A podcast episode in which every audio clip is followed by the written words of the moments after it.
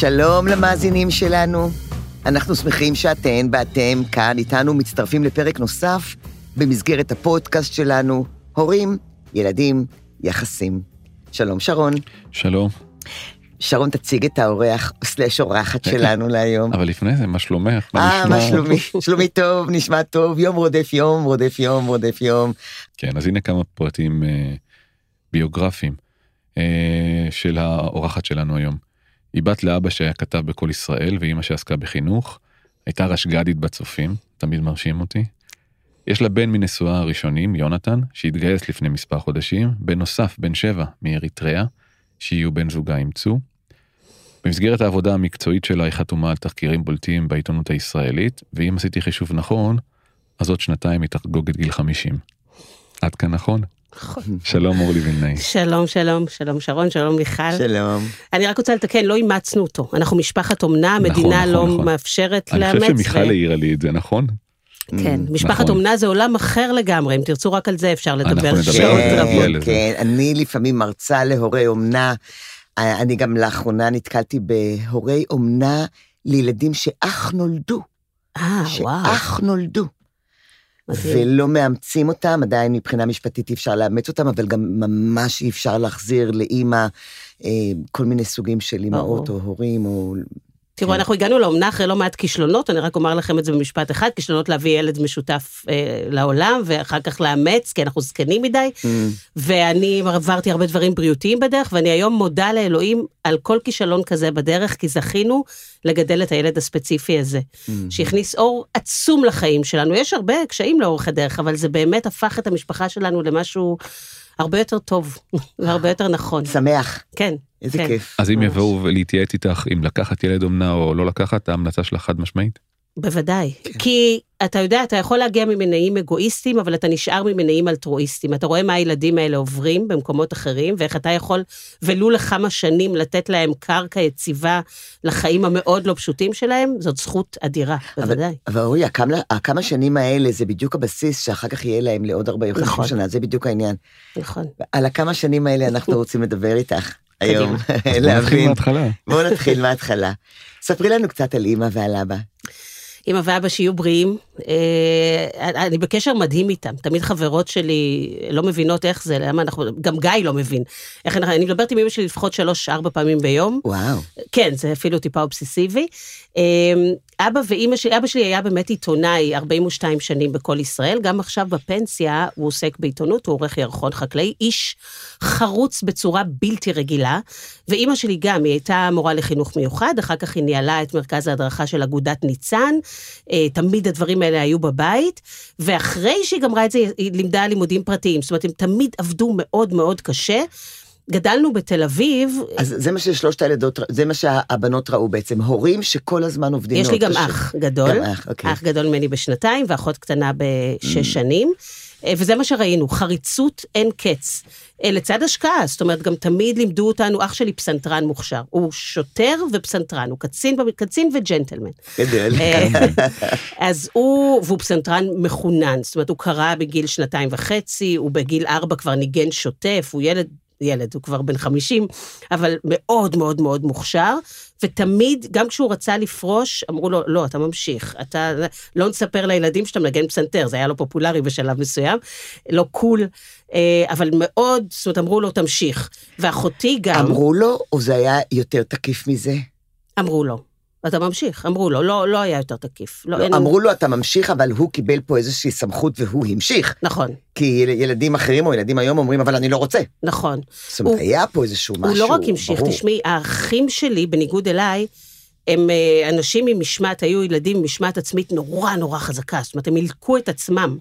אני, אני הכבשה השחורה בינינו, באמת. איך את גם מסבירה את זה, שדווקא אתה את האמצע? הסנדוויץ', אה, לא, אני לא, את אחותי כאילו גידלנו ביחד, אני וההורים. אני באמת ראיתי בבובה שלי קטנה, ו... פער הגילי, פער השנים הוא שנים. גדול, ש- כן. חברות נורא טובות, היינו ונשארנו, למרות שהיא לא גרה בארץ כבר הרבה מאוד שנים, ועכשיו בקורונה בכלל לא ראיתי אותה המון זמן.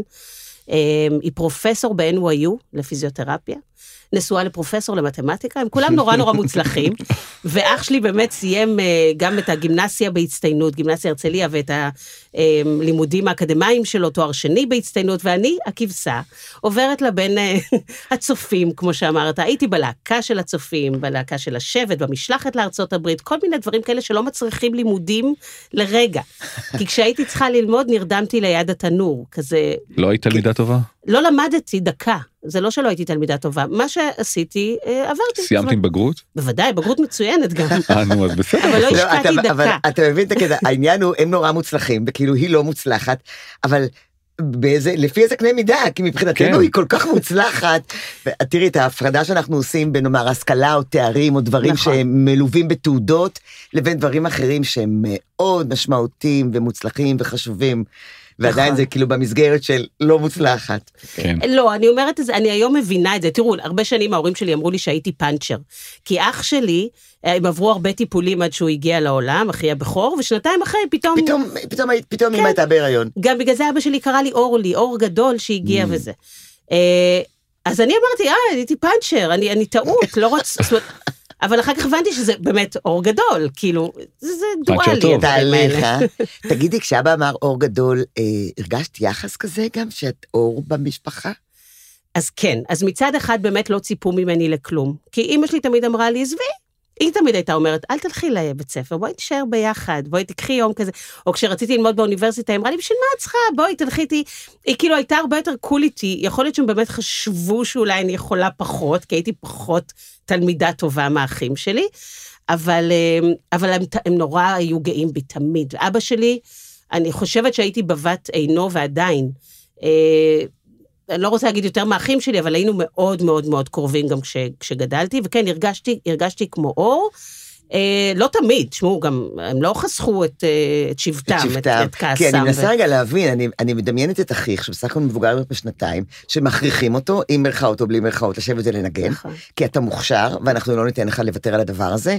נסתיר, לא נגיד, אבל אתה תנגן, לצד הדברים האחרים, ואת, לא, זה, בוא נזרום איתה. כזה, עזבי, תבלי. תרצה טוב, לא תרצה, גם לא טוב, כל כך שונה, לגמרי. כל כך אחר. כן. כי זה עניין של אופי, הם ראו, הם, הם כן תמכו בזה שאני אהיה בצופים ואהיה בלהקה. אני זוכרת שכשהתקבלתי לקרוון, זה להקה של השבט שלי, אה, והתקבל... איזה שבט זה היה? שבט איפה קהילה. גדלתם? איפה גדלתם? בתל אביב. איפה בתל? תשמעי, אני דור אה, שלישי, יש מחלוקת אם זה שלישי או רביעי בתל אביב, אנחנו עוד לא בטוחים לגבי סבא של סבא, אבל, אה, אבל הם כולם איפה תל בתל אביבים. אביב, אורלי? ברחוב בוגרשוב. מיטב חבריי נדרסו על הכביש הראשי שם. וואו, בוגרשוב, רחוב. טבריה ליד, נכון. וכל הרחובות הקטנים האלה, וואו, בוגרשוב. בשבת הולכים עם. חצי אבטיח לים. ברור, מעברי. חצייה עוד לא היו שם, איי. ישר מבוגרשוב, ישר אתה יורד לים, איזה נכון. חוף. כן, הייתה ילדות... אה, בריכת גורדון. לא, שעד לשם לא הגענו. אמ, כן. לא. זה כבר קצת יותר מדי, כן, כן. צפונה. אוקיי. אה, אבל כן, זו הייתה ילדות... למרות שאני זוכרת שאת רוב המשחקים, נגיד, עשינו בבית, עם, הייתה, הייתה לי מין קופסת אה, תחפושות. רציתי נורא להיות שחקנית כשאני אגדל. אז תמיד הייתי משחקת עם החברים בלהתחפש וכאלה. פחות ברחוב, כי זה רחוב ראשי, זה, זה מאוד מסוכן. אה, אבל אז גדלנו, למה, התח... למה הגעתי לזה בעצם? אני לא יכולה לתאר לכם כמה לי על הילדות, הראש. על הילדות שלך. כן. ב- אז אה, כי אמרת משהו, רציתי תמיד להיות שחקנית. המ- המקום הזה, האומנותי, הייתי בלהקה והייתי בזה, זה משהו שאמא ואבא ראו שיש בך? עזרו לך לטפח? אז זהו, אז נזכרתי עכשיו. אז כשהתקבלתי לקרוון הזה, Mm, ללהקה נכון. הזאת, אה, אימא שלי אמרה לי, תשמעי, את שחקנית מצוינת, לשיר פחות. בואי נעבוד על המשחק, והיינו יושבות ועושות לנו מערכונים שאני אציע, שכדאי שאני אעשה, אבל, לשיר לא כדאי לך. ושנים היה לי נורא ק- קש... כי אחותי היא זמרת כזאת, והיא הייתה בלהקת חיל האוויר, וגם אמא שלי שרה נורא יפה. ושנים היה לי יותר קל לעמוד ערומה מול קהל מאשר לשיר, לשיר. מול קהל. אני, אני אומרת את זה ב... כן. כי חשבתי שאני בהג- שרה נורא. בהגזמה. ועכשיו עשיתי תיקון, כי גיא ואני יצאנו במופע, אה, שנקרא אורלי וגיא והלהקה, ואני שרה שם. ואני שרה שם שיר שלם לבד, את השיר המטורף של הארץ. ובמלוא גרוני, שגם ככה אין לי ריאות, אז קצת קשה לי לשיר, אבל זה תיקון בשבילי, כי אנשים גם אומרים לי אחר כך, וואי, את שרה יפה, ואני כזה, וואו, תודה. אה, כי תמיד אהבתי לשיר, ואני לא מזייפת, אבל ידעתי שאני שרה פחות טוב מהם. פתאום קיבלתי איזשהו רושם של הורים שמאוד בטוחים בעצמם. זאת אומרת, גם בטוחים בעצמם בלכפות משהו על הילד הגדול, גם בטוחה בעצמה בכישרונות של הילדה, ואז גם מקדמת משהו שאני בטוחה שמתאים לילדה יותר, וגם יושבת ועובדת איתה על זה. יש איזשהו משהו, יש באמת איזשהו קו כזה מאוד ברור אצל ההורים שלך, לא חשוב לאיזה כיוון. מאוד נחוש. מאוד תראי, נחוש. הם היו הורים נורא צעירים, ואני חשבתי על זה כשאני הפכתי להיות אימא בגיל 30. הם התחתנו בגיל 20, אמא שלי כבר בגיל 24, בגלל הניסיונות הארוכים, היא הפכה להיות אימא, זה גיל נורא צעיר יחסית. כן. ו... אבל בכל זאת, כן, הם היו מאוד, אני המון פעמים אומרת לילדים שלי, אני לא יודעת, אני גם אימא טועה, אני לא זוכרת שמעתי את זה מהם. לא, מה פתאום. כן. זה לא מתאים לדור הכל שלנו. היה ברור. כן, וגם כן. אמא שלי הייתה מלכת הבית, זאת אומרת, אבא שלי וכולנו עשינו מה שהיא אמרה, זה לא... אה, כן, אימא מאוד חזקה, מאוד נחושה, ושוב, מאוד חרוצה, ויודעת ככה, ככה היה נדמה לי לפחות כילדה, לאן היא הולכת. איזה ערכים את יכולה רגע לפרק, לדעתך, היו בבית? דבר, מדברים פשוטים כמו סדר, עד אה, יושר, עד אה, להגיד הכל בפנים, או לחסוך, ולא לדבר על... מה היה בבית? אה, זה היה ערכים חברתיים לצד פולניות. זאת אומרת, יש דברים שלא לא, לא מחפשים בחוץ את הכביסה המלוכלכת, ואסור לספר דברים שלא זה, וזה זה עוד מסבתא שלי וכזה.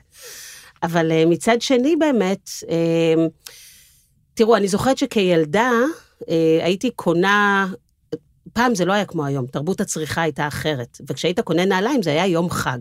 הולכים ובוחרים... מתכוננים אליו, כן, כן. בטח בגדים לבת מצווה שהייתה על הגג עם אקורדיוניסט, ולא באיזה בת מצווש שגם וכזה. אותו בטח אמא שלו הכריחה לנגן אקורדיון, גם כן אני זוכרת את באבא פעם, עוד עידן רייכל אמר לנו, שכן, קורדיון, איזה מין כלי זה, נכון. גיטרה היה צריך להיות חלילית, אוקיי. אז אה, כשהלכתי לקנות אוי, זה בגדים, נהדר, על הגג עם אקורדיוניסט. כן, ואני חשבתי שזה שיא פאר היצירה. נכון, נכון. אמ, אז, אז בחרתי את הבגדים ואת הנעליים לפי כמה שהמוכר היה נראה לי שהוא צריך אותם. זאת אומרת, וקניתי נעליים מכוערות להפליא, כי חשבתי שהמוכר עני והוא צריך את הכסף. תמיד היה נראה לי ש... אבל זה עול, זה עול נורא כבד על ילדה, באמת. לראות כל הזמן מי, מי מסכן. לראות את הצרכים של האחר כל כן, הזמן. כן, וכמה הם מסכנים, ואולי אני יכולה לעזור להם בזה שאני אקנה נעליים, במקום לסמוך על זה שאני קונה עכשיו נעליים לעצמי, ואני רוצה את הכי יפות. אבל מאיפה באה לך הראייה הזאת? זה אז קש- ניסיתי לחשוב לאורך השנים, ואני מנסה לחשוב, זה לא משהו שדיברנו עליו אף פעם בבית, אבל יכול להיות שזה כן בא מההורים. אמא שלך רואה ראייה. בעשייה חברתית, היא לא נכון. צריכה לדבר על זה. נכון, נכון, נכון, בדיוק. אמ, ואבא שלי באמת פתח בפניי עולם, אני הייתי יושבת ברדיו ומסתכלת בהערצה ומכירה את כל האנשים הכי מוכרים, והיה לי אוסף חתימות, אתם זוכרים שפעם היה... בטח. אז כן, איזה חתימות היו לי, כי כולם באו ניירות, על לרדיו. מפיות, על קופסאות. סיגריות, על מה לא. ואהבתי את לילך גליקסמן, והוא השיג לי חתימה מלילך גליקסמן, ואין קץ לה. אבל הוא גם היה מאוד, אה, אתם יודעים מה, אפילו מסבא שלי, אבא שלו. סבא שלי, השמועות עליו היו שהוא היה איש נורא נורא עשיר, והיו לו המון בתים, והוא חילק אותם לאנשים שהיו צריכים. ואני מאמינה לשמועה הזאת, כי זכיתי להכיר אותו עד גיל 16, שהוא נפטר בפתאומיות, עד שאני הייתי בת 16, והוא היה איש כל כך טוב לב. באמת, משהו בנתינה הזאת, אני גדלתי לתוכו. אמ, אני לא יכולה להגיד לכם שבבית ארזנו ארגזי מזון וחילקנו לעניים, זה לא היה. זה היה באמת, אנשים, הם עבדו בשביל לפרנס אותנו, ולדאוג שנקבל השכלה טובה, וחוגים וכל מה שצריך. אבל העבודה, העשייה הייתה אה, עם- עם ערכים של נטייה למען האחר. לטובת כן, החלש. כן. כן, אני, אני חושבת ש, שלא יכולתי לגדול ככה אם לא הייתי גדלה בבית כזה. שוב, לא חינכו אותי לזה. אמ, אני גם היום כל הזמן אומרת את זה כשאני ככה מנסה לקחת את הילדים שלי איתי ל- לדברים שאני עושה. אני לא רוצה להטיף להם ל- לעשות את הדברים האלה. זה עניין הדוגמה האישית. בדיוק, אתה לא צריך. להגיד שום מילה, כלום. אבל הילד רואה אותך כן. והוא מפנים. נכון, ויש ילד שיקח את זה יותר וילד שיקח את זה פחות. לגמרי, כן? ממש, אחי. ואחותי שונים ממני לגמרי. כן, כן. אבל אמ, נגיד עכשיו בקורונה, אחותי גרה בניו יורק, לא יצאה מהבית שמונה חודשים, מהפאניקה, עם שני ילדים בבית סגורים וואו. בדירה במנהטן, וואו. ואני ישר חשבתי, רגע, אבל גרה מולה אישה זקנה, היא נכנסת אליה, היא יורדת לראות מה... זאת אומרת, אני ישר חושבת על אלה שמסביב, ואני לא, לא שאחותי לא בן אדם טוב, אבל היא, היא במשפחה שלה, כמו רוב האנשים הנורמליים. אבל זה, אז אנחנו גדלנו אחרת, כן, לגמרי. זאת אומרת, גדלנו להיות אנשים אחרים לגמרי. אני עושה פה איזשהו... אה, אני עפה סתם, זה הכל הרי. ניחושים, עפה. מצד אחד זאת ילדה שהיא אור, אור בבית, היא, היא פאנצ'ר, אבל היא פאנצ'ר... פאנצ'ר חיובי. שמאיר את כל. כן. בדיוק, שמאיר את כל הבית. מאידך, היא בת, שמודל החיקוי, שש שנים. וזה עוד הרבה שנים עד שהקטנה גדלה גם, ש... ומודל החיקוי זה אימא. זה כמו שהבן כמו שכבר יסתכל על אבא והבת תסתכל על אימא. כן. אז יש לנו פה מישהי שהיא בטוחה שהיא אור משוש חיים, ו... ולומדת מאימא כל הזמן. אבל הייתי הבת של אבא. הייתי כן, הבת של אבא, הבת של אבא משהו ברגש, משהו... ואפילו ל- הגנתי עליו, כי אימא שלי נורא חזקה, באמת. מה זאת אומרת הגנת? באיזה כועסת? כשהיא הייתה אוקיי. כועסת עליו על משהו, אז אני אמרתי, אבל מה, הוא לא עשה את זה בכוונה. הייתי יוצאת כחומה ביניהם. כן. לא שהיו ריבים מטורפים וזה, אבל, אבל אני כל הזמן דאגתי לו, כי הוא היה כזה... זהו, זה המקום הרגשי. החיקוי קצת אולי גם אה, מאימא, מהעשייה, מלהיות כמו, וגם להיות חזקה. הבת של אבא, גם אני בת של אבא, אני יודעת למה. או שזה שוב פעם סימפטון שהיא מתגייסת לצד החלשים. יש צד חלש. צריך להגן עליו, נכון. אבל גם הלכתי בעקבותיו מקצועית. נכון. Mm, זאת אומרת, גם איתו הלכתי לשטח, הוא תמיד היה לוקח אותי כילדה לראות Mm. דברים שילדה לא תמיד צריכה לראות, אגב. למשל. הייתה פעם, אני זוכרת, הוא היה כתב משטרה, אמ, והייתה איזה, מישהו שרף את עצמו, או הוא נשרף, או גופה, מצאו גופה שרופה, היה לו סקנר כזה. ש... מלא. והוא לקח אותי לראות את הדבר הזה. אה, פיגועים, עניינים, דברים, אתה יודע, לתוך לב המאפליה. אבל זה משך אותך? מאוד. אני חשבתי שבאמת אפשר לשנות את העולם במקום הזה, כי אתה נמצא שם כל הזמן בלב, ה... בלב הדברים הכי חשובים שקורים, והאנשים הכי חשובים, שחלק שאתה פוגש, אתה מבין שהם לא כאלה תענוג, אבל יכול להיות שאחיך, גם בגלל שאבא היה כתב משטרה, גם אחיך אה, שוטר, כי הוא נחשף לדבר הזה, למקום הזה שרואה, עושה שינוי, גם עוזר, גם מפענח. לא. אני חושבת שאחי, כשהיה, שהוא פסנתרן מחונן, אה, באינתיפאדה הראשונה, נדמה לי, אני לא לא זוכרת את הגילאים, אבל הוא לא מצא פרנסה כפסנתרן, כי הפסיקו מלונות וכאלה, אני לא זוכרת אם זו הראשונה או השנייה. והוא חיפש משהו פרקטי, ואבא שלי דווקא אמר לו, לך למשטרה, זה מצוין, אמא שלי אמרה לו, יש שם פנסיה, יש זה, זה, כן. בצורה מסודרת. נורא מסודרת. אני חושבת שזה לא מתאים לו בעליל, הוא כזה בחור רגיש, והוא שוטר, זה תמיד מצחיק אותי, זה לא, לא הגיוני. הוא הלך לזה כי הוא צריך משהו מסודר משהו למשפחה, יציב הכנסה וזה, וזה, כן. וכן. אבל הוא איש הרבה יותר, אה, הוא צריך היה להיות אקדמאי, איזה מין פרופסור מפוזר שכותב מאמרים. ו- אין תזמורת המשטרה? משהו שהוא יכול... בוודאי שיש, הוא מנגן. הוא מנגן הוא? מנגן בכל האירועים המשטרתיים, והוא לא יכול לברוח מזה, זה מה שהוא אוהב, זאת התשוקה שלו. כן.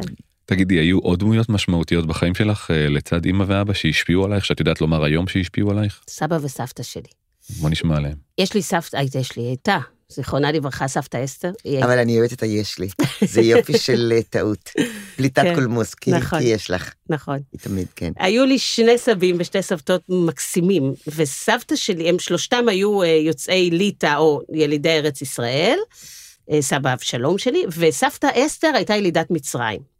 והיא הצד, אני רבע מצריה, אני תמיד אומרת בגאווה, והיא לימדה אותי לקלל, לעשות לאנשים אוי, זה שחור. כל כך חשוב לקלל. מה? חבל הזמן. וואו. היא, כל מי שהייתה אומרת עליו זה, היה קורה לו משהו. עכשיו, הכי פחדתי, מה, הייתה לה קללה, הראש ייפול לו, ככה היא הייתה אומרת. ואני הזה, פחדתי, עכשיו שמה- שמת ייפול לא. פחדתי שהראש ייפול לו, זה אמיתי. זאת אומרת, והיא, אני תמיד הייתי משקרת בדרך לגן שאני חולה. אימא שלי אף פעם לא האמינה לי, אבא שלי תמיד האמין לי, והוא היה לוקח אותי לסבתא. ושם היה כיף גדול, כי היינו יושבות ורוקמות ותופרות, הייתה לה מכונת תפירה, והיא הייתה, היא לא עבדה אף פעם, היא הייתה בבית, ונורא אהבתי את האסרטיביות שלה, את זה שהיא הכילה חתולים, אני מאוד אוהבת בעלי חיים, זה התחיל אצלה. האכלנו חתולים, עשינו דברים נורא נורא כיפים. הכל חוץ מללכת לגן. אימא של אימא. או אימא של אבא? של אבא, של אבא. וסבא אבשלום, בעלה, היה איש נורא טוב לב, זה זה שנתן את זה הבתים שלו. שמסר את כל הבתים בתל אביב לאנשים שהוא לא מכיר. כן, והם גרו בית מולנו, אז הקשר איתם היה מאוד מאוד Mm. טוב. אני זוכרת שפעם סבא שלי העליב אותי, אני לא האמנתי שזה קרה, הוא אמר לי, באתי, יש שיער מטולטל הוא שיער בעייתי. ויום אחד אמא שלי אמרה לי, ביקשה בערב שאני אקפיץ להם משהו, אמרתי, לא, אבל אני עם קרה, היה לי קרה מחריד, זה לא מסתדר ולא הרטבתי, היא אמרה, די, זה סבא וסבתא. וכשחזר, וכשהגעתי, אז סבא שלי אמר, את צריכה לעשות משהו עם השיער. ואני בכיתי. בכיתי.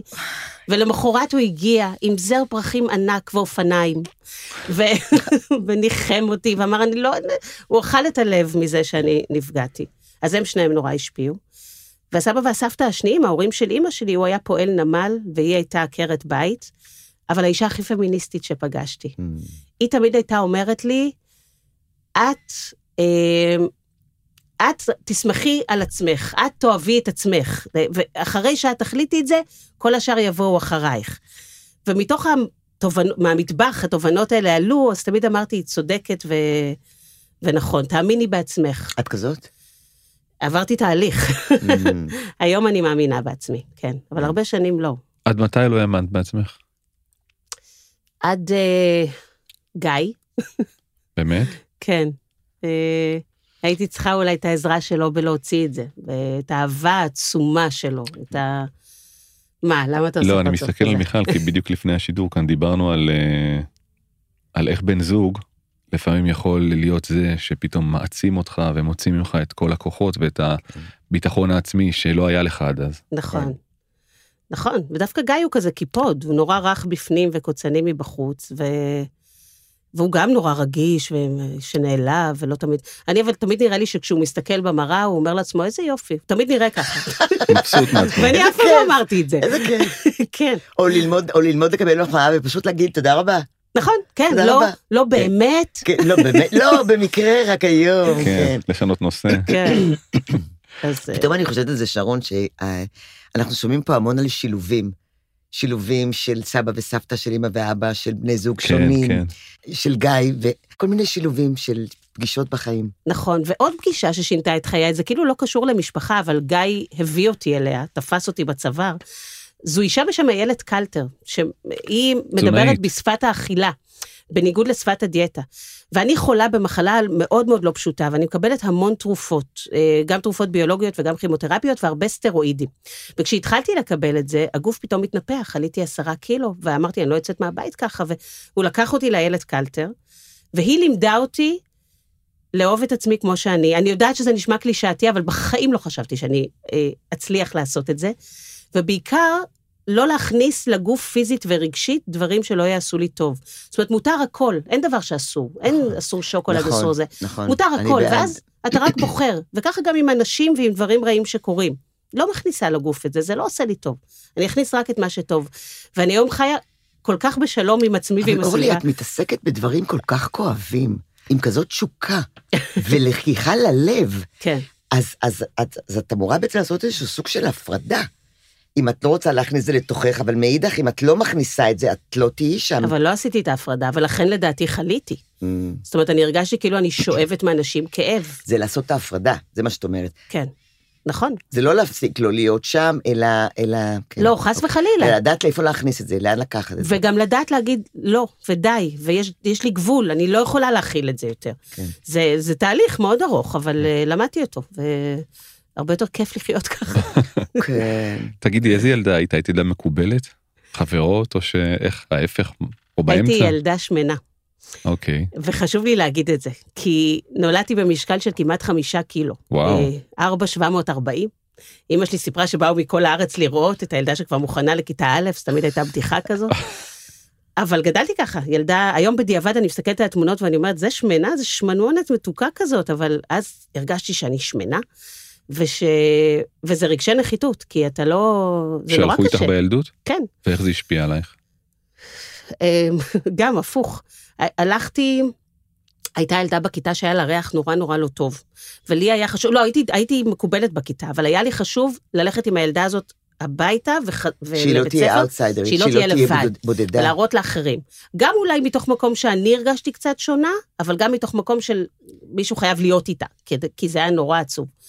אמ, אבל זה היה לי, היה לי נורא קשה עם זה. תשמע, בתור ילדה שמנה, אני זוכרת שהרגשתי, היה לי ילד בכיתה נורא נמוך, הוא קרא לי שמנה, אני קראתי לו גמד, זאת הייתה מערכת היחסים שלנו.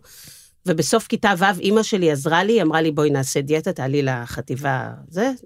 ואני אמרתי, אני אעשה את הדיאטה הזאת כדי שאני אגיע לגימנסיה הרצליה, בכיתה ז' ביום הראשון, אני אקרא לו גמד והוא לא יוכל לענות לי. זה מה שעמד מול עיניי. וכך היה? והגעתי דוק. אבל בטח לא אמרת לו גמד. אמרתי, אמרת? הייתי ילדה, מה זה, היא השקיעה את כל החופש בשביל זה. יאללה, זה היה, זה היה מה שמשך אותי קדימה. וואו. אמ, ואמרתי, אבל אחר כך הפכנו להיות חברים נורא נורא טובים. אני פשוט ירדתי אז, אני זוכרת שבעה קילו, וגם גבהתי, ותראו, אני לא אשכח כמה קילו ירדתי בכיתה ו', איזה מטומטמת, אנחנו כאלה. לא, זה לא מטומטמת, זה נורא רגיש. אני נדמה שסיפרתי גם לשרון, אני מאוד אהבתי לרקוד, שני דברים שמאוד אהבתי בחוגים בתור ילדה, זה לנגן פסנתר ולרקוד. ומאוד אהבתי לרקוד בלט. והייתי שמנה שמנמונת כזאת עם בגד ריקוד שחור, וכבר היו לי נעלי שפיץ, ואז יום אחד רקדנו, לא יודעת מה זה היה, והמורה אומרת לי שאני דובית מדי, ושאני אלך ואני אעמוד בסוף. והפסקתי אז לרקוד, וואו. ותראי איך זוכרים דברים כאלה מגיל שש, שמונה, לא יודעת בת כמה הייתי. כולל. המילה הזאת דובית. כן. אבל אותך לפחות קיבלו, אותי לא קיבלו לבלט, כי הייתי שמנה.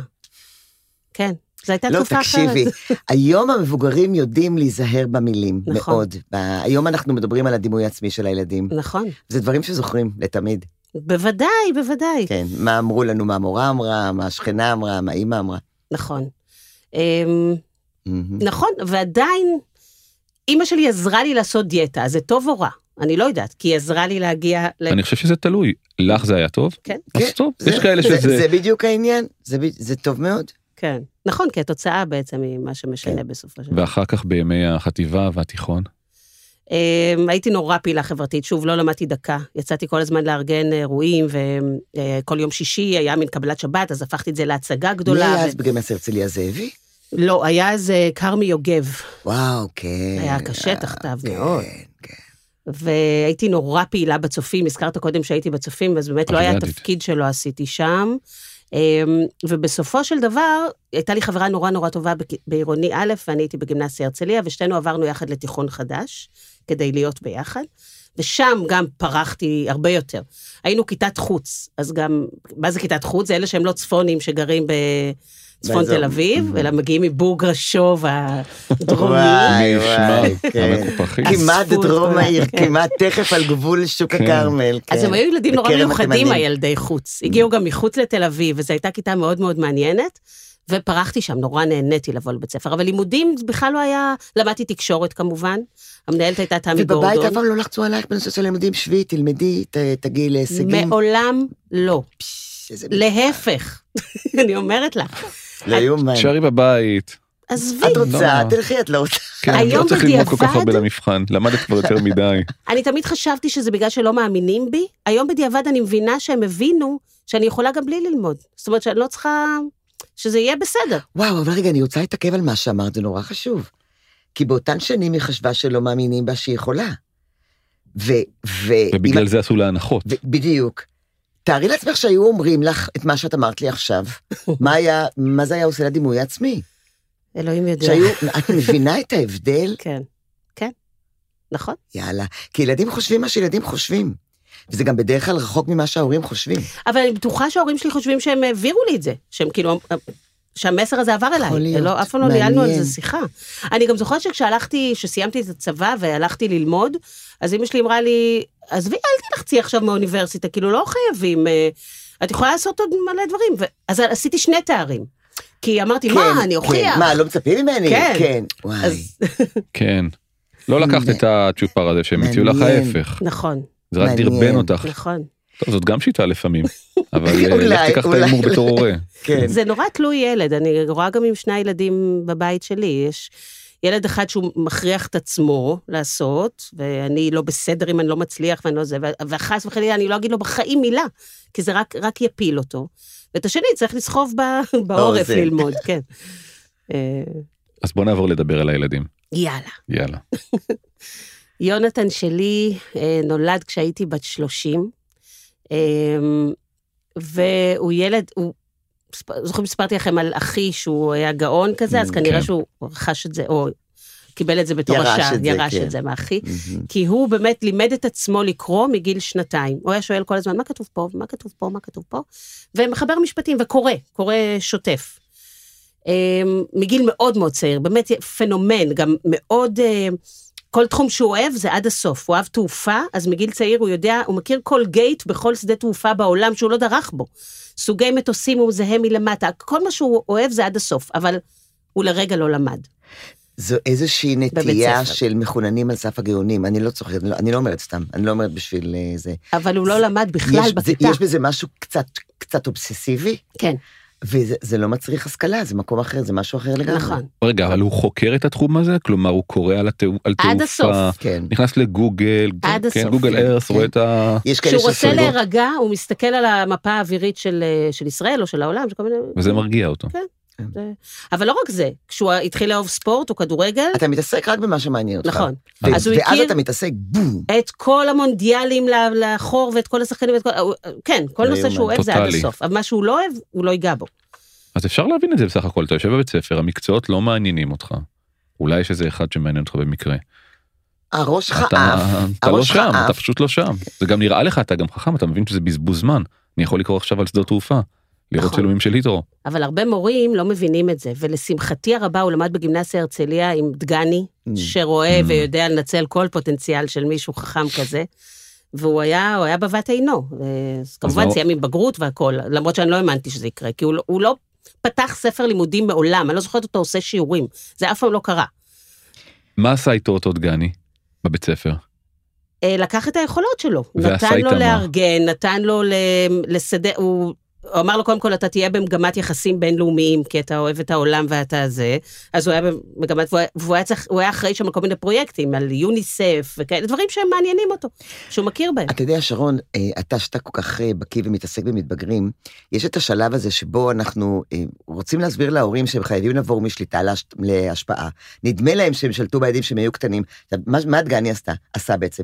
שם, עשה מעצמו, לטובת הילד, בלי אולי שהוא רוצה, אדם בעל מאוד השפעה על הילד הזה. נכון. דיבר איתו, נתן לו, סיפק לו את הצרכים שלו, קידם אותו, הרחיב אותו.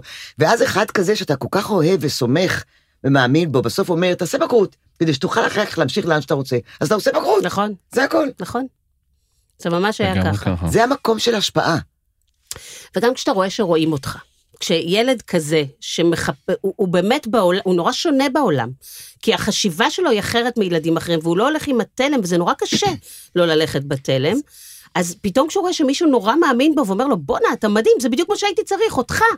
אז, אז הוא רוצה גם להוכיח לו שהוא כן. יכול. מה הוא עושה היום? היום הוא חייל. Mm, אה, תודה לאל, סליחה שאני אומרת את זה, יש לו פרופיל נמוך, כי נורא פחדתי, כי לא כל אחד מתאים לצ... לצבא הלוחמני. למסגרת הזו. ולמסגרת הזאת. למרות שזו מסגרת מאוד מגוונת, כלומר יש לה מגוון של תפקידים. נכון, אבל אם יש לך פרופיל גבוה ואתה הולך להיות לוחם ויש לך את הנפש הרגישה פחות. של בני בכורי, טיפה פחות כן. מתחבר.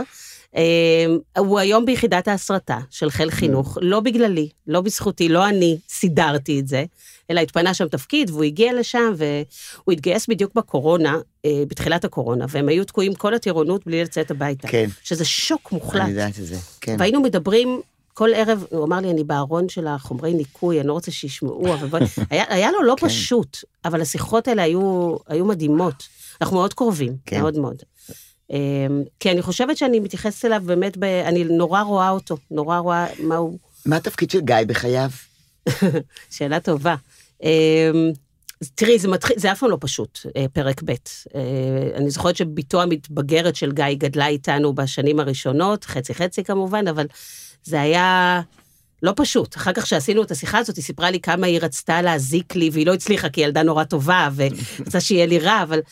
ויונתן גם, אותו דבר בהתחלה, הוא היה כזה אנטי, הוא כאילו עבר את גיל ההתבגרות בגיל חמש. אתה לא אבא שלי, אתה לא תגיד לי מה לעשות. הוא כן, הוא אה, זה, אתה לא- והוא כן. והולך, אבל אה, הוא מאוד אוהב אותו היום. גיא הוא זה שמבשל בבית. מי שמזין אותך, בדרך כלל אתה גם מאוד אוהב אותו. מתחבר אליו. אני טבעונית, גיא והבן שלי אוכלים בשר, אז הם מאוד ב bonding ביחד, ועכשיו מה שמעניין אותו זה פוליטיקה. אז בזה הוא גם מכיר הכל לאורך ההיסטוריה, כי הוא. חקר את זה ולמד. אז המון המון שיח על זה בבית.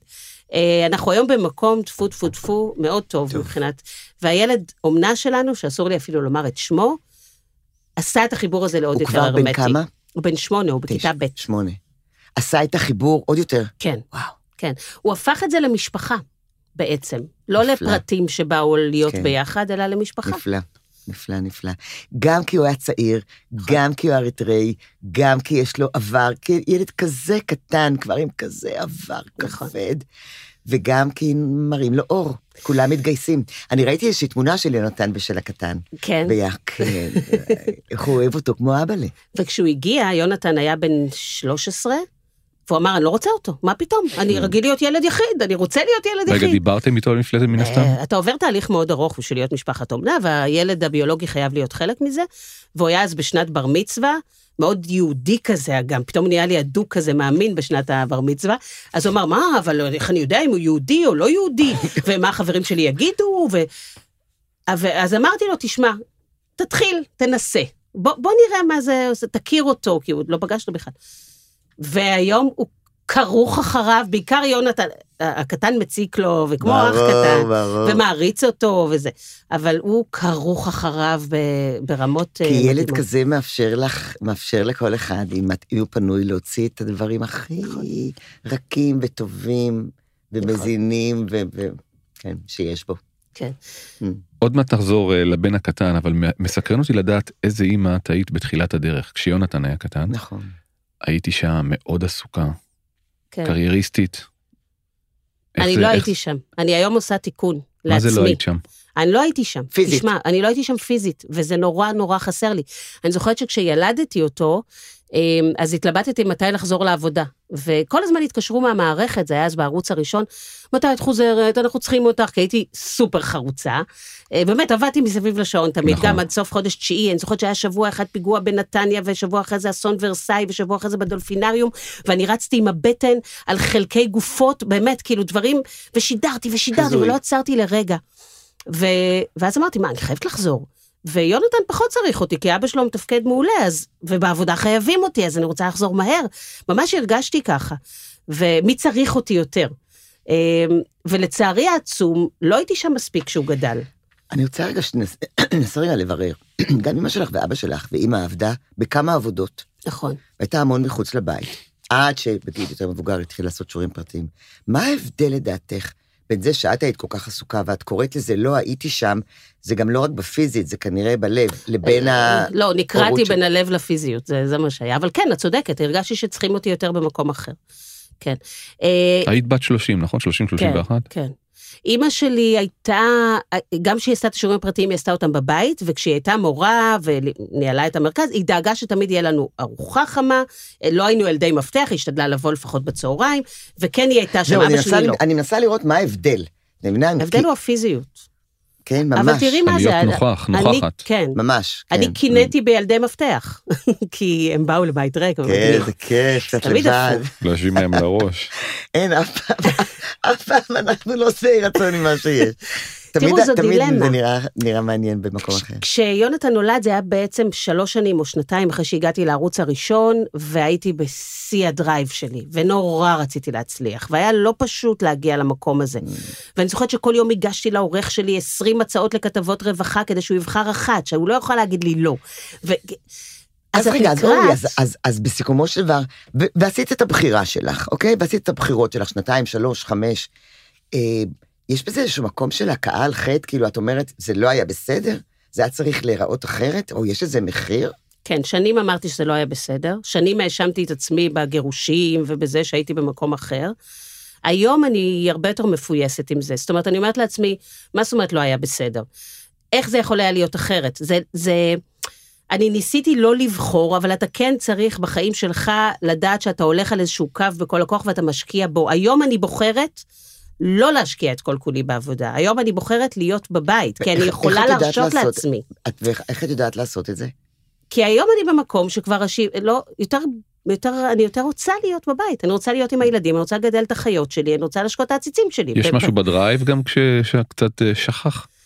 אני חושבת שיש משהו בזה שהרגשתי שעשיתי את כל מה שרציתי. זאת אומרת, אין לי היום איזה פסגה שאני מרגישה שצריך לטפס עליה, או יעד שאני מסמנת להיות בו. אוקיי, כבר הגשתי, כבר הנחיתי, כבר ראיתי, כבר עשיתי כתבות, ו... ולא הרגשתי שאני מתמלאת מזה עד הסוף. ו... אוקיי. אם אני אעשה היום משהו, אני אעשה היום משהו אולי עבור הדבר, וכבר אני, אני פחות צד בתוך זה. נכון. ואני עושה היום משהו שממלא אותי, אני תכף אספר לכם עליו. אבל אני רוצה רגע להגיד, כשאת לא שם, זה עניין של נשים קרייריסטיות תמיד, שאנחנו נשים את עצמנו, זו כבר קלישאה. אבל, אבל אי אפשר, אתה תמיד חייב לבחור, אין מאה נכון, אחוז. ואני שואל את עצמי, האם האימהות של פעם הרגישו, לדעתי הם לא הרגישו אשמות. אה, אני לא חושבת שהם עבדו ככה. אני לא חושבת. מה, אימהות יש- קרייריסטיות? יש כאלה ש... שהיו פחות לא, נוכחות אז לא בבית? קראו לזה קרייריסטות, אז הן היו צריכות לעבוד בשתי משרות כדי לפרנס את הבית, כדי לעזור בפרנסה. נכון. והם עבדו, ול- ולפעמים יצאו, הם יצאו בשש והם חזרו בשש. אבל אני לא עבדתי בשביל הפרנסה. נו. כאילו, היה לי בן זוג שגם, שהרוויח, Mhm. עבדת בשביל המימוש העצמי. ועבדתי כי אני הייתי חייבת להיות שם. אני הייתי חייבת להצליח, חייבת. כן. אז- אה, זה מתי הורדת. את ההילוך הזה? שאמרת אני חייבת להוריד הילוך בשביל יונתן.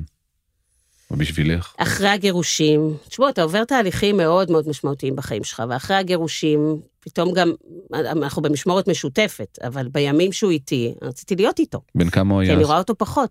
הוא היה אז בן חמש וחצי, Mm. כן, קטן, חייב את אמא שלו. נכון, וגם בניתי לו כזה חדר נורא יפה, ומיטת קומותיים, ומלא דברים כיפים. גם רצית להיות, אני חושבת שזה המפתח. נכון. רצית להיות איתו. רציתי נורא, הוא, הוא ילד מהמם, באמת. אני, אני יודעת שאני אימא שלו, אבל הוא, הוא היה. הוא, הוא אור גדול. מעניין אותי לש- לשמוע אם היו, ובטח יש סיפורים, שאת מקבלת טלפון מהעבודה, אורלי, אנחנו צריכים אותך עכשיו, והבטחת ליונתן שאת אה, הולכת איתו לאיזשהו מקום, שאת נקרעת בין שתי המחויבויות האלה. יש לי סיפור מחריד כזה, כאילו, נו, זה מחריד. המקום לספר אותו. אני הייתי בדרך למסיבת לא. חנוכה. מסיבת חנוכה בגן, אתם יודעים, זה כמו או, אוסקר, זה. כאילו, אתה חייב להיות. וזה, עובדים על זה שבועות. והילד אולי סביבון, או שהוא- נר או משהו. לגמרי, ובסוף יש סביבון שפותחים אותו ונופלים דברים. נו, נו. קיצור, והוא דיבר על זה הרבה, והייתי בדרך למסיבה בגן, והיה פיגוע בצומת אסף הרופא, אני זוכרת. ו... ונסעתי מקסימוס. לפיגוע, כי המערכת הקפיצה אותי לפיגוע, ולא הייתי במסיבה. ואני אני חושבת שאני לא אשכח את זה, הוא לא, לא זוכר את האירוע הזה בכלל. אבל לי זה עשה, אני, אני, יש שם הרוגים, ואני חושבת, שיט, אני לא במסיבת חנוכה, איך אני עושה דבר כזה לילד שלי? לילד שלי. שזה בלי פרופורציות בכלל, אבל למה אני צריכה להיות פה ולא שם? למה? אני, אני שאלתי את עצמי את זה כל הזמן. ואני זוכרת שמתי ששאלת מתי זה קרה, מתי נפל לי האסימון, עשיתי סדרה לקשת על, שנקראה לישון, על הרגלי השינה. וצילמתי משפחה ב, בלילה, כל הלילה, לראות איך הם לא מצליחים לישון, כי הילדים קמים, וזה, ואני יושבת אצלם בסלון, והילדים מתעוררים והם רוצים את אימא, וזה היה עשר בלילה, ואני אומרת, רגע, אבל לי יש ילד כזה בבית, איפה אני? למה אני אצל משפחה אחרת עכשיו? מה? והנחיתי, אז עשיתי סדרות, והנחיתי רדיו, וכתבתי בעיתון, וזה... אמרתי, fuck, סליחה, למה אני צריכה את העוד סדרה הזאת? אני רוצה לישון בבית. ואז הודעתי לקשת, הם רצו לחנוק אותי, לחברת הפקה. רינה מצליח החליפה אותי אז, ולא עשיתי את הסדרה הזאת, והתחלתי להגיד לא לדברים, לאט לאט, לא בבת אחת. בזכות עצמך או שנעזרת באיזה מישהו, זה היה חלק מתהליך שעשית עם עצמך? עם עצמי, רק עם עצמי. כי אם, נגיד אחר כך כשגיא נכנס לחיים, אם זה היה תלוי בו, הוא רץ למרחקים עם טונות עבודה, ואני זאת שצריכה למשוך אותו עכשיו לעצור. ולא סתם, אני, המחלה שלי התחילה בזה שלא הצלחתי לנשום. יש, אתה, לא הצלחתי לנשום, לא, זה היה המחלה. הפיזית הממשית כן, שלך, לא? כן, כן. ואני זוכרת שהלכתי איתו, עשינו איזה הליכה יום אחד בים, והוא הלך כזה קדימה, הוא חשב כל מיני מחשבות, ואני מאחור נשרכת אחריו ולא נושמת, ואמרתי, ככה זה בדיוק בחיים. הוא כל הזמן מוביל עכשיו לרוץ, לרוץ, ואני אומרת לו, חכה, תעצור, חכה לי. בוא, בוא נצעד ביחד, כי מישהו חייב לעצור את השני כשהוא כזה. אני עצרתי את עצמי, ב, אצלי. כי זה כבר לא היה כיף.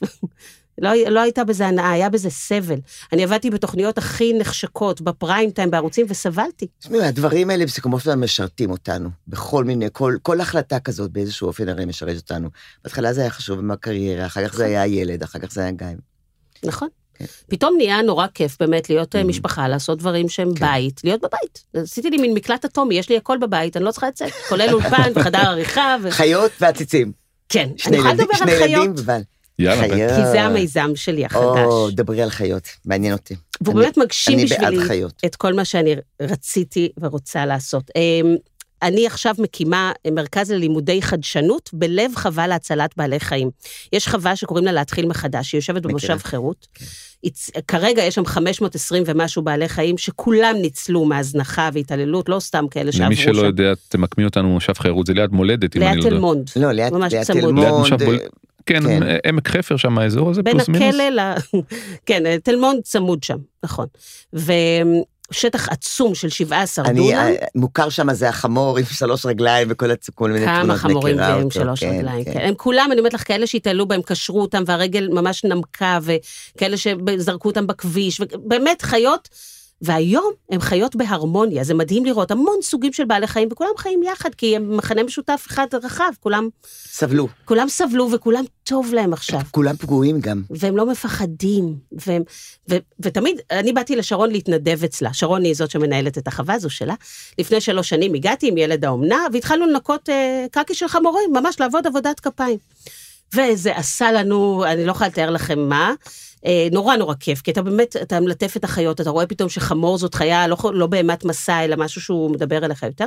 ואמרתי, הדבר הזה חייב להיות משהו שילך לילדים הלאה, אנחנו רואים כל כך הרבה התעללות, כל כך הרבה פגיעה, והחלטתי לפתוח מרכז, שילדים יבואו, אה, ילמדו, יעבדו עם החיות, יאתרו בעיות שהחיות מתמודדות איתם, או הטבע באופן כללי, וימצאו להם פתרונות, ימציאו מיזמים. זאת אומרת, הם יגיעו למרכז, אנחנו בנינו שם מין אה, אה, כיתה שקופה. יתצפתו על החיות, אה, גם יעבדו עבודת כפיים, יאללה. וננצל את הידע של דור המסכים אה, לעבודה, ל- להמצאה לטובת החברה וה, והסביבה, וה, ובעלי החיים. וזה מה שאני עושה כבר שמונה חודשים עם שותפה, אה, שקוראים לה ניצן מייזלס, היא חוקרת מוח. שתינו חברנו מהאהבה הגדולה הזאת, והמרכז הזה הולך להתחיל לפעול עכשיו בקרוב. עבודה נורא נורא קשה, בעיקר בירוקרטית. זאת אומרת, זה מרכז בתוך החווה. נכון, נכון. אז זה גם, זה גם בנייה של משהו. נכון, וואו, זה כן, מעניין. כן. ובבית, איך תפיצו את זה? מה תעשו? זאת הבעיה הכי קטנה, איך מממנים את זה. Mm. תקציב של מיליון ומשהו שקל וכזה, בלי משכורות בכלל, עוד לפני שאני מדברת על זה. אה, אנחנו, אנחנו מגייסים, ותשמעי, אני מופתעת כל כך מהנדיבות של אנשים, כשהם רק שומעים שזה חינוך לעשייה וזה, אנשים מאוד רוצים כן, לתת. פותחים את הכיס. אבל גם נעמוד על הרגליים של עצמנו, אבל אני לא אלאה אתכם בזה, זה לא... אבל החיות גרמו לי להאמין חזרה, אגב, כי הפסקתי להאמין בבני אדם בשלב מסוים, אחרי כל מה שראיתי אה, ב- שנים האחרונות. בשנים האחרונות ובעשייה שלי. וגם, בדיוק. זה כמו הרופאים שמטפלים כל הזמן במחלות, באים הביתה ומודדים לילדים את החום כל הזמן. כן, כי באמת את היית בתוך זה כל כך הרבה. נכון. כל כך הרבה עוולות וחוסר צדק. ואתה כבר לא סומך על אף אחד, כי אנשים הם כל כך רעים כאילו ברובם. אבל מתברר שיש גם אחרים. נכון. עכשיו את נתקלת בהם. אבל התחלתי לאסוף בבית, יש לנו שני כלבים, ארבעה חתולים ושישה ארנבים, וגיא אמר שעוד חיה אחת והבית מתפוצץ, נו, מלא קקי. במיוחד מארנבים, מי מנקה את זה כל הזמן? ארנבים בחצר, אה. רק אחד בתוך הבית שהוא נכה והוא צריך טיפול מיוחד. אמ, כן, הוא- כולם ישנים איתנו במיטה, גיא רוצה למות מזה, כאילו, כל פעם יוצא הוא לא רגיל מדעתו. עד לעניין הזה? לא ובאמצע הלילה גם? הילד עובר למיטה, אז וואו. בכלל... איי, כן. שמח. אה, איך- אני רוצה רגע לחזור למיד- למיזם, איך איך קוראים לו? איך קראת? קוראים לזה מרכז חירות, אנחנו במושב חירות. Mm, וקראנו אותו על שם אגם לוי. אגם לוי נספתה בנחל צפית, באסון האחרון, אם אתם זוכרים, הגדול המכינה. של אסון המכינה. והיא הייתה תושבת חירות, והיא הייתה ילדה שהתנדבה בכל מיני מקומות בעולם, וילדה סופר חכמה ומבריקה, והיא המודל מבחינתנו של נתינה ולימודים ועשייה. אז קראנו לזה על שמה, כי היא הייתה תושבת חירות, וזה שם, וזה בלב וואו. המרכז. בגלל זה קראנו, זה מרכז חירות, כי זה גם פרידום, וזה גם יושב נכון, אה, זה חירות. אומר יפה, נכון. כן. כן. בהצלחה, בהצלחה, תודה, זה בהצלחה. נורא שמח ומרגש. קראתי איזשהו פרט ביוגרפי, אני לא יודע אם הוא מדויק, אבל את אה, תאשרי אותה כחישי. שיונתן אמרת שהוא מאוד מתעניין בפוליטיקה, וקראתי שאתם בעמדות פוליטיות מנוגדות. נכון. איך זה עובד? אני חושבת שזה מרד הנעורים שלו, כי זה, הוא לא מרד באמת. אה, אז המרד שלו זה להגיד, כן, אני ימני, כי אני שמאלנית מוצהרת. כן. בעיקר שמאלנית חברתית, אני מודה, אבל כי אני חושבת שכבר אין פה ימין ושמאל בעניין המדיני. נכון. אבל אה, אה, איך זה בא לידי ביטוי? בוויכוחים. אה, בלפני בחירות, ועכשיו יש המון בחירות כל הזמן. כן, בתקופה כזו. הוא תמיד כזה עונה כן, וזה, והליכוד, וכן, הוא לא הצביע לליכוד. אבל ברגע משתדלת, האמת הוא נמנע, מה שנקרא. אני רואה בזה, אני מכבדת אותו נורא ואת הדעות שלו, אני, אני רואה בזה מרד, כי אני יודעת בדיוק מה מניע את הילד הזה בפנים, ו, ואיך הוא כן גם סוציאל דמוקרט, ברור מאוד, אבל, אבל הוא קורא לזה אחרת, אז נכבד, ואני לא רבה איתו, אף פעם לא. תראו, אני טבעונית, הוא אוכל בשר, אני רוצה שהם יגיעו למסקנות שלהם, לבד. ולדעתם לבד. יש הבדל גדול בין לריב לבין להתווכח, נכון. זה שני דברים כל כך שונים, ולהתווכח זה נהדר. אני מסכימה כן. איתך. נכון. ובמיוחד גם לדעת, במיוחד לגור בבית עם מישהו שלא חושב כמוך, שזה אחד הדברים הנהדרים. אה, אני יותר אוהבת שחושבים כמוהו. אה, גם אני, גם אני, אבל עדיין, כן. אבל עדיין, יש בזה משהו, יש בזה משהו נחמד מהיכולת לחיות ביחד עם מישהו שבאמת לא חושב כמוך. זה גם שוב עניין של אופי. הילד הקטן למשל החליט שהוא טבעוני, כי הוא ראה שאני טבעוני. Mm. הגדול אוכל בשר כי אני טבעוני. לא, לא, לא בגלל זה. אבל הוא לא הולך אחרי הדבר הזה. אה, אני רוצה שהם יגדלו חופשיים. הדבר האחרון שאני רוצה, ואני אמרתי את זה כל הזמן ליונתן, שלא ירצה אותי. אני הייתי ילדה נורא מרצה. נותנת נשיקות לדודים שבאים, למרות שלא רוצה, ועושה, ונורא טובה, ונהדרת, ונחמדה, וזה, ו- ואני לא רוצה שהוא ירצה אותי. אני רוצה שהוא יגיד לי מה הוא מרגיש בדיוק באותו רגע, שהוא לא יעשה אם הוא לא רוצה. אה, ושיהיה אדם חופשי. נורא מעניין מה שאמרת עכשיו. מצד אחד ילדה שמקבלת המון חופש, בדיוק, זה לח- זה הפתיע אותי. ולא לא כופים עליה, נכון. לימודים. אז אבל מה כן- הייתי צריכה מה להיות כן ילדה כפוף? טובה, כן, כן. בטח. מה זה להיות ילדה טובה? בדיוק. חוץ זה מלנשק את הדודים. זה להיות נורא נחמדה כל הזמן, ולהיות נורא בסדר, ולסדר אה, את החדר כשזה, זה, זה, זה להיות ילדה מרצה, נו, זה... גם מהאחיך דרשו את זה? גם מאחותך הצעירה? או לא, פחות? לא, הם, אה, הם אחרים, הם אחרים לגמרי, אבל אני היום גם בקשר הכי טוב עם ההורים שלי, כי היינו... כן. לא, כי זה לא מה, היו- קשור. כי היו המון התכסחויות לא, בגיל הזה? בכלל לא, אני, רצ... אני אומרת לך, אני לא רציתי שיכעסו עליי בכלל, לרגע. אז לא דרשו ממני, אבל אני כן באתי ועשיתי, רציתי שנורא יעריכו אותי כל הזמן. אז הייתי ילדה מרצה. וגם בנישואים הראשונים שלי, אני מודה. כאילו, הייתי מאוד מרצה לכולם ונחמדה. והכל. כשאנחנו התגרשנו, הסביבה לא האמינה שזה קורה, כי אף פעם לא ראו עלינו שמשהו לא בסדר, או עליי, אני תמיד, הכל בסדר, הכל זה, ונהדר, רק לעזור לאחרים, אף פעם לא שיתפתי בזה. אז מה, גם כולם היו להציג נורא חזות. של הכל בסדר? כן. כלומר, גם לשחק אותה כאילו הכל תראה, בסדר? גם כילדה מרצה זה קצת לשחק כאילו הכל נכון. בסדר, כי ילדה ברור. מרצה כל הזמן מוותרת על דברים ש- ש- שהיא רוצה, שהם נכון. שלה. אמ, נכון, אני רציתי לשיר, אמרו לי, את יודעת לשחק, שיחקתי. אמ, כן, אמ, אבל הפסקתי לרצות דווקא עם גיא. גיא תמיד היה בעיניי הילד הרע, שעושה מה שהוא רוצה, וזה מה שאני הרצתי אצלו כשהתחלנו לעבוד ביחד בהתחלה. נכון, וואו, הוא נכון, אומר מה שהוא רוצה, ולא קורה כלום, כאילו, הכל. בסדר. נכון, נכון, הוא היה ילד רע, נכון, כן, לגמרי, כן, כן. וזה מה שמשך אותי, כי הייתי ילדה נורא טובה. אה, אז רציתי להיות גם, להגיד, ואחר כך התחלפנו קצת בתפקידים. אני הפכתי להיות הבוטה יותר, והוא משתיק אותי, אז איפה שאנחנו מאזנים אחד את השני. זה נחמד זה. בוא נחזור לילד הקטן, שאסור לנו לומר את שמו, לכן אנחנו לא אומרים את שמו. כן, נכון. וגם לא את תמונתו, הוא ילד יפה תואר. אה, הוא ילד אומנה. כן. זה אומר שבאיזשהו שלב אתם תצטרכו להיפרד? תראה, כבר היינו, היינו כמעט, אה, הייתה איזו סוגיה משפטית לא פשוטה, אה, שזה עורך דין שרצה להזיק לנו, אבל לא חשוב, אני לא אכנס לזה עכשיו, אנחנו גם תבענו אותו דיבה, והוא ניסה להתערב בדבר הזה. כשאתה נכנס לתהליך אומנה, אתה יודע שיש סיכוי מאוד גדול שבאמת הילד יהיה אצלך לתקופה מסוימת, כי המטרה היא, חוק האומנה קובע שהוא צריך לחזור להוריו, זו המטרה. המרכזית. אה, אני ידעתי גם את המציאות שממנה הוא הגיע, שהייתה לא פשוטה. יש גם הרבה מאוד משפחות אומנה, אני חושבת שרוב המשפחות בסופו של דבר, שהילד ממשיך איתם עד גיל 18, כי המשפחה עוד לא מספיק בשלה לקבל אותו חזרה. אבל כן, זה כל הזמן שם.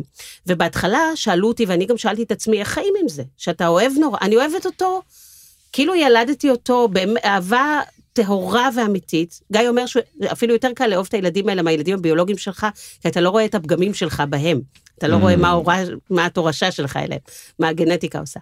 אבל אה, אני אוהבת אותו כל כך, ומה ובכל אומרת? רגע יכולים לבוא לקחת אותו. והאיום הזה נכון. מרחף כל כן. הזמן. אז שכנעתי את עצמי שהעולם כל כך מלא בסכנות ופחדים, שאתה כבר לא יודע ממה לפחד. פה אני יודעת ממה לפחד, אז אני מנטרלת את הפחד. כשפחדתי מפיגועים, הלכתי ללמוד תואר שני בלימודי ביטחון. רציתי להבין את המנגנון של ארגוני טרור, מה זה? מה, מה מניע אותם? אני צריכה להבין, אני צריכה לדעת ממה לפחד, כדי להפסיק לפחד ממנו, אם אתם מבינים למה אני כן, מתכוונת. כן. אז זה מה שאמרתי לי. ואחר כך, כשחשבנו שבאמת ניפרד ממנו כבר, הוא היה אמור... אז אמרתי לעצמי, נתנו לו כל מה שיכולנו, ואת השנים הכי חשובות לחיים שלו, הוא הגיע בגיל שנתיים, הוא שש שנים איתנו, ומכאן הוא יפליג, ואנחנו תמיד נעזור לו, ותמיד נלווה אותו במה שצריך, אבל אני יודעת שחלק ממני הולך איתו. אה, אז, אז זה גם דבר ש... כן. אתה יודע, חס וחלילה אנשים מאבדים ילדים, וקורים כל כך הרבה דברים. זה- זה מין משהו קבוע שהוא מאוד זמני. נכון, נכון. ממש כך. ואתה כן. מרוויח כל יום. כל כן, יום מחד... כן. מחדש הוא, הוא תוספת. ו... ואיך יאללה. מתווכים לו את המצב? אה, וואי, זה מאתגר מאוד. אה, מתווכים, מדברים. אני, כשהוא אה, הגיע, כתבתי לו ספר. הכנתי לו ספר עם תמונות וחרוזים, וזה שהסברתי לו מה זה המשפחה הזאת. שיש לו שתי אמהות, אחת שילדה אותו ואחת שמגדלת אותו, וזאת שילדה אותו היה לה קשה, אז היא ביקשה שנעזור לה, ואנחנו מגדלים אותו. וגם המשפחה שלנו מורכבת, אז הסברתי מה זה, למה לנעמה יש אימא אחרת, וליונתן יש אבא אחר, והכל היה כזה.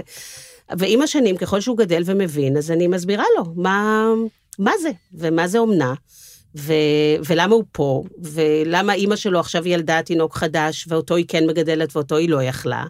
אה, זה מאוד מאוד מאוד מורכב, אבל צריך נורא להתאים את זה לגיל.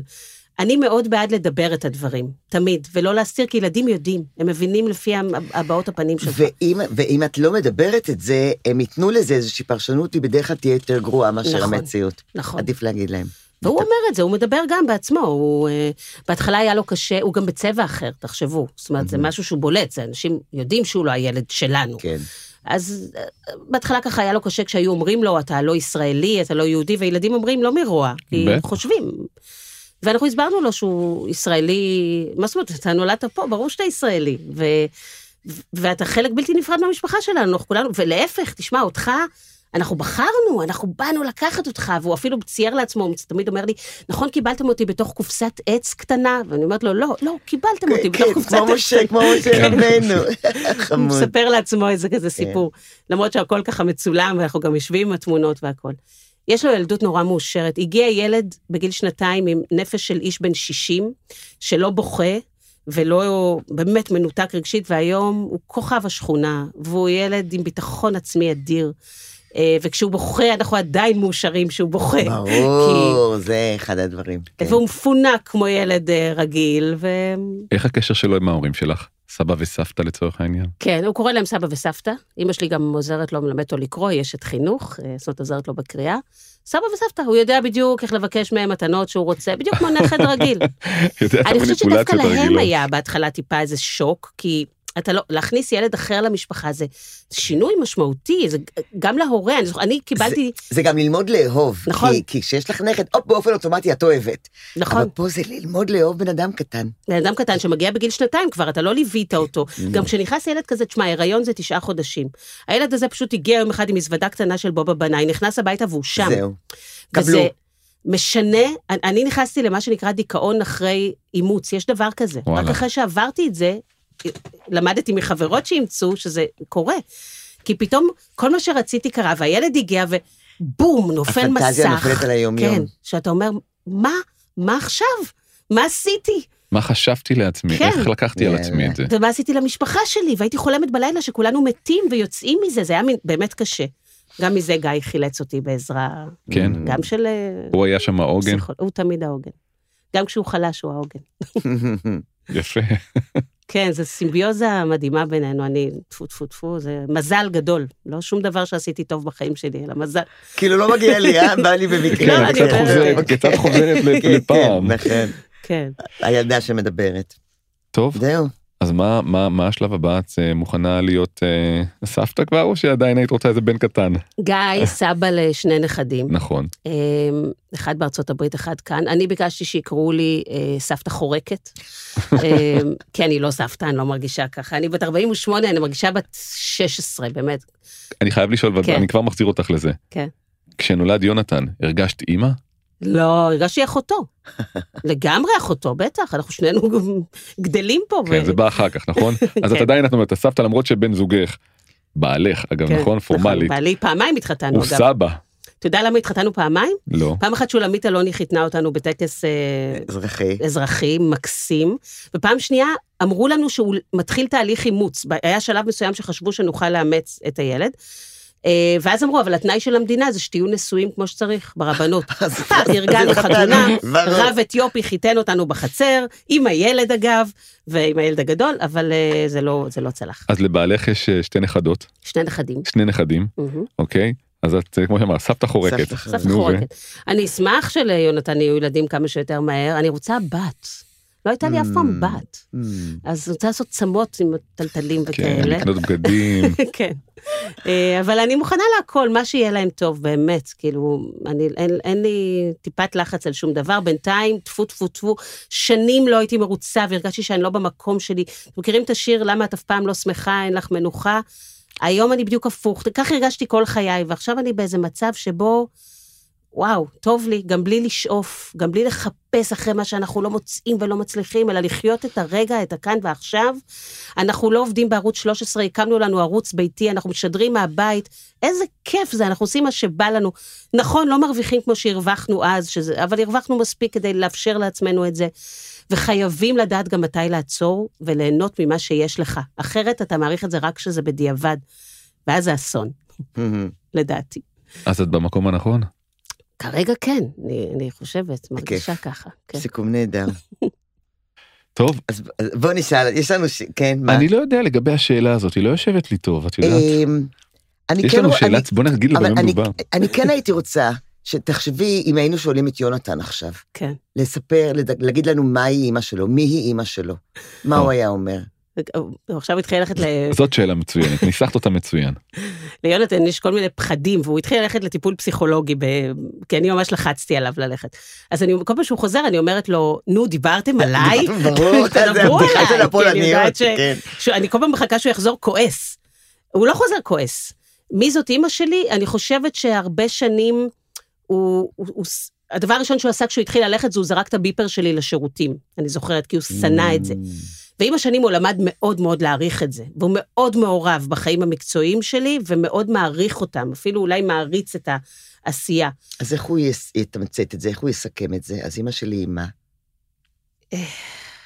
אני לא יודעת להגיד לכם. מה לא היית יודעת. רוצה שהוא יגיד? לא, שהוא יגיד, אה, כל מיני לא- סוגים אני- של תכונות, לאו דווקא... אימא אה, שלי. אישה חרוצה, והיא, אה, והיא נמצאת שם בשבילי תמיד, שזה אני ממש משתדלת מאוד מאוד, אני חושבת שזה מה שהוא יגיד. אה, היא לא יודעת לבשל כלום, זה נכון. יש פסטה אחת ש- שאני עושה, אז תמיד הוא אומר, אולי תעשי לי את הפסטה, כאילו יש אופציה אחרת. כן. ואני חושבת שהוא, שהוא יגיד שיש בינינו אהבה נורא גדולה. אני חושבת שזה מה ש... ואולי זה הדבר הכי חשוב. נכון? אימא שלי אישה חרוצה ותמיד תהיה שם בשבילי, ואנחנו אוהבים מאוד אחד את השני. זה, עם ועם זה האוכל אני- נסתדר, יש את גיא. עם זה אני יכולה לחיות ולמות. כן, והאמת, מי צריך יותר מזה? נכון. טוב. אורלי. וואי, רגע, יש איזה משפט מוסדר. מה? וואי, יכולנו לדבר עוד שעה, נכון? כן. זה כיף, הגענו תודה. ל- לקצה גבול הזמן שלנו, תודה. בשיחה הכיפית, מעניינת, מרגשת הזו, איתך. תודה רבה. אז נודה לך. תודה. תודה, תודה רבה, אורלי. תודה גם לכל המאזינות והמאזינים שלנו. אתם מזמינים להיות איתנו, ונגמר לי הנייר. בפודקאסט הבא. כן, אנחנו כבר בשלב שאנחנו יכולים לעשות את זה. בעל פה. ואתם. כמובן תקשיבו ותתחברו אלינו בפודקאסט נכון. הבא שלנו. אני מבטיחה לעשות את זה, היה לי מאוד כיף פה. תודה. אמשיך להאזין. גם לנו. כל. המידע ב- בדף הפייסבוק שלך, מיכל דליות, שלי, שרון פאר, גם שלך, אורי וילנאי. תודה רבה, ולהתראות. להתראות.